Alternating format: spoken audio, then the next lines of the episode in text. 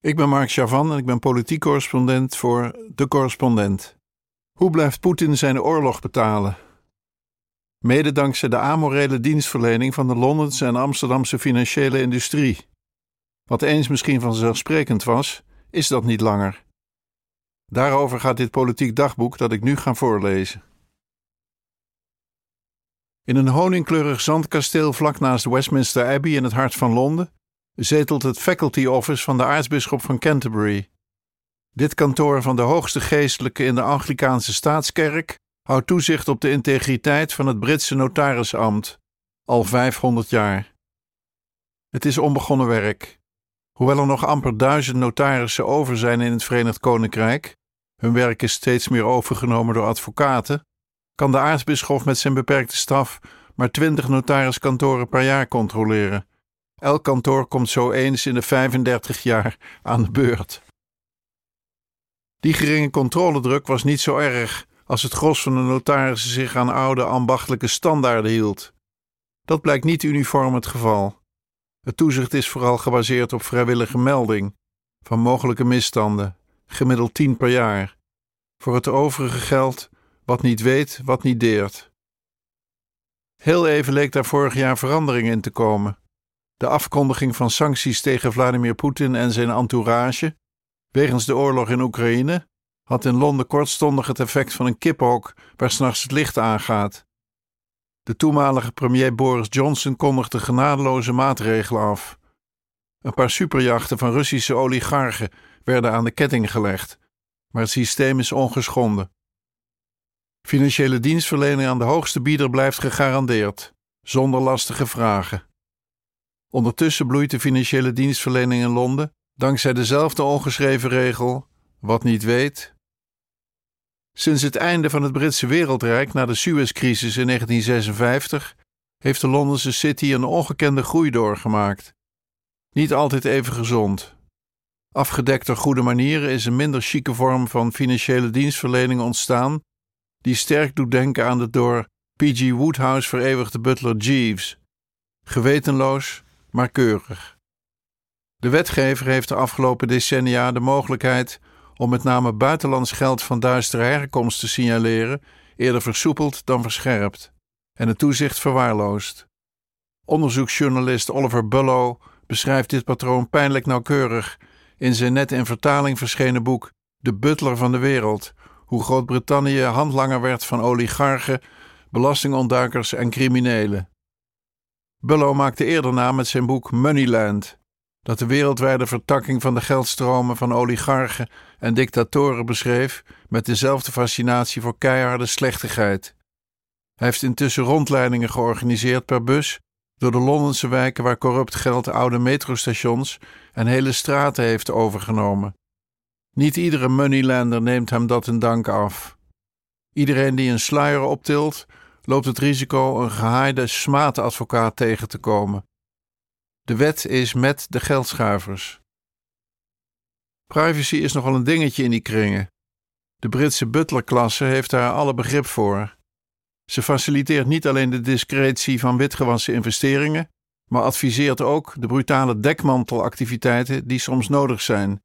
Die monden uit in opzichtige sponsoring van academische instituten in Oxford en Cambridge de aankoop van voetbalclubs in de Premier League en financiële bijdragen aan vooral conservatieve politici. In het arsenaal van de Britse butler-business past het spelen met de flexibele onafhankelijkheid van overzeese gebiedsdelen. Denk aan de Britse Maagdeneilanden, de Cayman-eilanden, Gibraltar en dergelijke. Die mogen heel zelfstandig als asielcentra voor terroristen, grootdieven en goksyndicaten optreden, maar horen wel bij het VK als het Londen zo uitkomt. Nog aparter is de status van Brits kroonbezit als het eiland Man en Jersey en Guernsey in de Atlantische Oceaan. Die horen officieel niet eens tot het Verenigd Koninkrijk, maar spelen lucratief samen met de butlers in de Londense City. Toen twee lagerhuisleden, de socialistische Dame Margaret Hodge en de conservatieve Andrew Mitchell, met succes een wet door het parlement wisten te krijgen die in het hele VK een openbaar register instelde van de uiteindelijke eigenaar van vennootschappen en andere financiële eenheden, was het gemene best te klein. Bullo beschrijft hoe sommige belastingparadijseilanden dreigden met uittreding uit het VK. Hun hele verdienmodel stond op het spel. Toenmalig premier David Cameron was in 2016 nog gastheer van een wereldwijde anticorruptietop. Maar op volgende conservatieve regeringen in Londen hebben met uitstel en getreuzel de belangen van de butlerende gebiedsdelen en hun klandizie voor laten gaan. Vertrek uit de EU en COVID-19 boden extra routes om te ontkomen aan al te knellende regelgeving. Fatsoen dreigde even de overhand te krijgen. Het mooie van deze tijd is dat allerlei verhoudingen die nog niet zo lang geleden min of meer normaal leken, dat niet meer zijn. Denk aan grensoverschrijdend gedrag en kwetsende verschillen in behandeling op grond van herkomst. Zou dat ook het geval kunnen zijn voor de vrije en geheime doorstroom van onzuiver verkregen kapitaal, kan je je afvragen. Het Verenigd Koninkrijk heeft zich gespecialiseerd in het bedienen van mannen en bedrijven die miljarden hebben verzameld ten koste van landen waar zij werkten of zaken deden. Maar ook Nederland is jarenlang een paradijs geweest voor belastingontwijking. Dat werd jarenlang onbesproken gelaten, desnoods ontkend. Staatssecretaris Marnix van Rij wilde er niets van weten bij zijn aantreden begin 2022. En hij kon het weten als ervaren belastingadviseur. Maar de feiten zijn duidelijk. Nederland staat al jaren in de top 4 van belastingparadijzen voor ondernemingen. Na de Britse Maagdeneilanden, de Cayman-eilanden en Bermuda. Veel Amerikaanse multinationals, techgiganten en artiesten als U2 en ABBA laten hun belastingvermijding via de Zuidas lopen. De andere helft van de klandizie bestaat uit Russische oligarchen en ander gevarieerd gespuis. Van Rijn nam desondanks in Brussel graag de complimenten ontvangst voor de actievere houding van Nederland, grotendeels te danken aan zijn voorganger Hans Veilbrief. Sinds 2021 heft Nederland belasting op uitgaande geldstromen naar landen met een laag of nul tarief op inkomende rente- en royaltybetalingen, zogenaamde laagbelastende jurisdicties. Eén vluchtroute voor fout geld is nu voor 96% gedicht. Maar de ruim 12.000 brievenbusmaatschappijen op de Zuidas kunnen nog op genoeg andere manieren behulpzaam zijn aan geld dat niet gezien en niet belast wil worden. Misschien hebben de oligarchen uit Rusland en Oekraïne tegenwoordig wat meer gedoe en heeft een enkele butler zich moeten terugtrekken.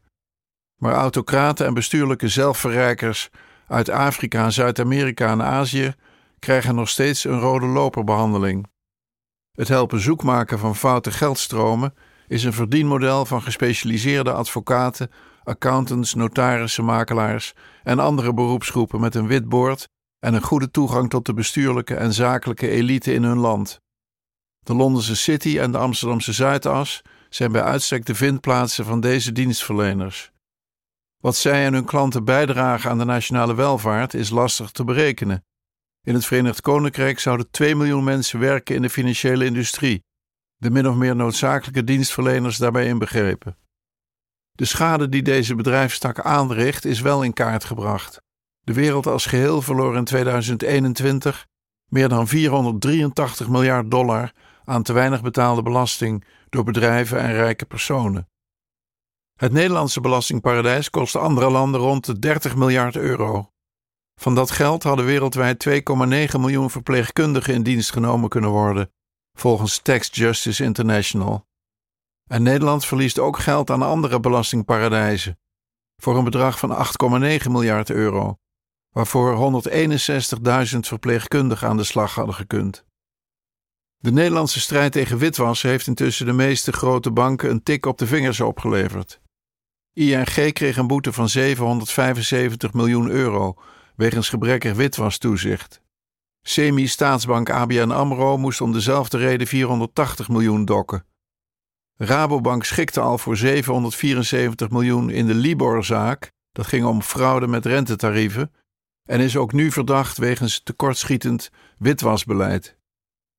In zijn boek Gokkers en Graaiers, financiële schandalen van de VOC tot de Zuidas, schetst journalist Roel Jansen de lange geschiedenis van de amorele vaardigheden die Amsterdam tot een lucratief financieel centrum hebben gemaakt. Jansen geeft een smeuig, maar tegelijk dodelijk overzicht van financiële malversaties vanaf de Gouden Eeuw naar het heden. Van de tulpenmanie in 1637 naar de crypto-crash van 2022. Via de malafide beursgang van World Online uit 2000, begeleid door ABN AMRO dat zijn eigen klanten het aandeel aanbeval, en via de geflopte DSB-bank 2009 van Dirk Scheringa en Gerrit Salm. Allemaal foute zaken uit een veel langere lijst, waar betrekkelijk mager op gereageerd is in politiek Den Haag. Doorlopen, niets aan de hand. Als pionier van het kapitalisme introduceerde Nederland van het begin af aan de linker financieringsvarianten waar anderen de dupe van werden. Zowel de Britten als de Nederlanders gedroegen zich in hun koloniale rijken als de oligarchen van nu, zij het in andermans land. Beide rijken behoren tot het verleden, maar een deel van de mentaliteit leeft voort, nu als butler. Nog niet zo lang geleden prees minister-president Nederland vanwege zijn VOC-mentaliteit. Al in 2006 was dit niet zo'n historisch gevoelige opmerking van Jan-Peter Balkende. Ja, de VOC vond aandelen en de beurs uit, maar ook het verdienmodel van toe-eigenen van overzeese grondstoffen en handel in en transport van slaafgemaakte mensen. Dat bewustzijn is inmiddels in brede kring doorgedrongen. Balkenende zou het nu niet meer zo zeggen en hopelijk ook niet denken. Maar het blijft een klemmende vraag waarom landen met een beschavingsideaal en een hoge ethische en rechtsstatelijke dunk van zichzelf, als trotse beoefenaars van de parlementaire democratie, eeuwenlang uitblinken in het gewetenloos bedienen van hun handelsklasse en vervolgens van het schuim der aarde. Was er echt een Russische inval in Oekraïne voor nodig voor Zuidas advocatenkantoor Houthof om te bedenken dat Rusland niet zo'n fijne klant was? Verrassender nog leverde dit kantoor een van zijn belangrijke partners als raadsheer aan de Hoge Raad der Nederlanden, zoals Jansen beschrijft. Wat dacht iedereen eigenlijk na de annexatie van de Krim in 2014 en de nooit gestopte oorlog in andere delen van Oekraïne? Zaken zijn zaken? De contradicties zijn adembenemend. Het VK hoort tot de eerste donoren van morele en militaire steun aan het zwaar bedreigde Oekraïne. Maar het geeft ruim baan aan Oekraïnse en Russische oligarchen die zichzelf en het systeem van de kleptocraat Poetin op de been houden, met alle denkbare wetsovertredingen en malversaties. Nederland werd in 2014 de oorlog ingetrokken door het neerhalen van de vlucht MH17. Dat was geen natuurverschijnsel, maar het bleek geen aanleiding om de Zuidas tot de orde te roepen. Wat legaal is, is nog niet gerechtvaardigd. Wie herinnert zich nog de te pijnlijke start die Nederland in 2022 maakte met het bevriezen van Russische tegoeden na invoering van de eerste sanctiepakketten? Nederland wachtte meer dan een maand met er iets aan doen. Daarna was de opbrengst verrassend klein, met Stef Blok als hoofdbutler. Wie ook maar een moment de werkelijkheid tot zich laat doordringen, en de boeken van Bullo en Jansen nemen iedere twijfel weg, ziet dat actie geboden is. Het gaat om miljardenbelangen, dus gemakkelijk is het niet. Gezamenlijke EU-actie biedt de meeste hoop, maar daarop wachten is niet genoeg en bovendien schijnheilig. Wat hebben we al die tijd gedacht? Het doet denken aan Zwarte Piet en het slavernijverleden. Het heeft er zelfs mee te maken, maar het is anders.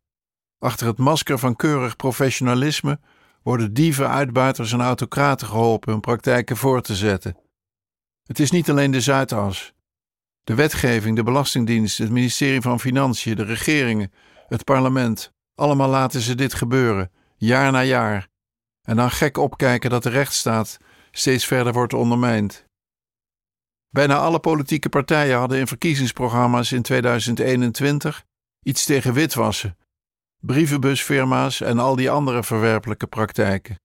Het meest actief en concreet is het voorstel van GroenLinks en Partij van de Arbeid. De regering is snel tevreden. Moet het zo lang duren tot er weer een 19 december moment komt? Er zijn stappen gezet, heet het nu. Er kan en moet ook in Nederland nog een heleboel gebeuren om deze amorele dienstverlening terug te brengen tot een pijnlijk deel van ons koloniale verleden. Wie nu niet beweegt, kan geen onschuld meer pleiten. Het is de missie van de correspondent om voorbij de waan van de dag te gaan. Onze correspondenten voorzien het nieuws van context en schrijven over de grote thema's van deze tijd. De correspondent geeft me de vrijheid om mijn nieuwsgierigheid te volgen en de tijd om verhalen te schrijven. En zo probeer ik onzichtbare structuren zichtbaar te maken en een andere kijk te bieden op debatten die het nieuws domineren. Dan gaat het minder over het spelletje en veel meer over wat er op het spel staat. Vanaf dag 1 zijn onze artikelen, boeken en podcasts gefinancierd door onze leden. Volg ons op onze journalistieke zoektocht. Overweeg eens lid te worden van de correspondent. En maak daarmee samen met ruim 70.000 anderen onze onafhankelijke journalistiek mogelijk. Dus word lid van de correspondent. Ja. Word lid. Word lid.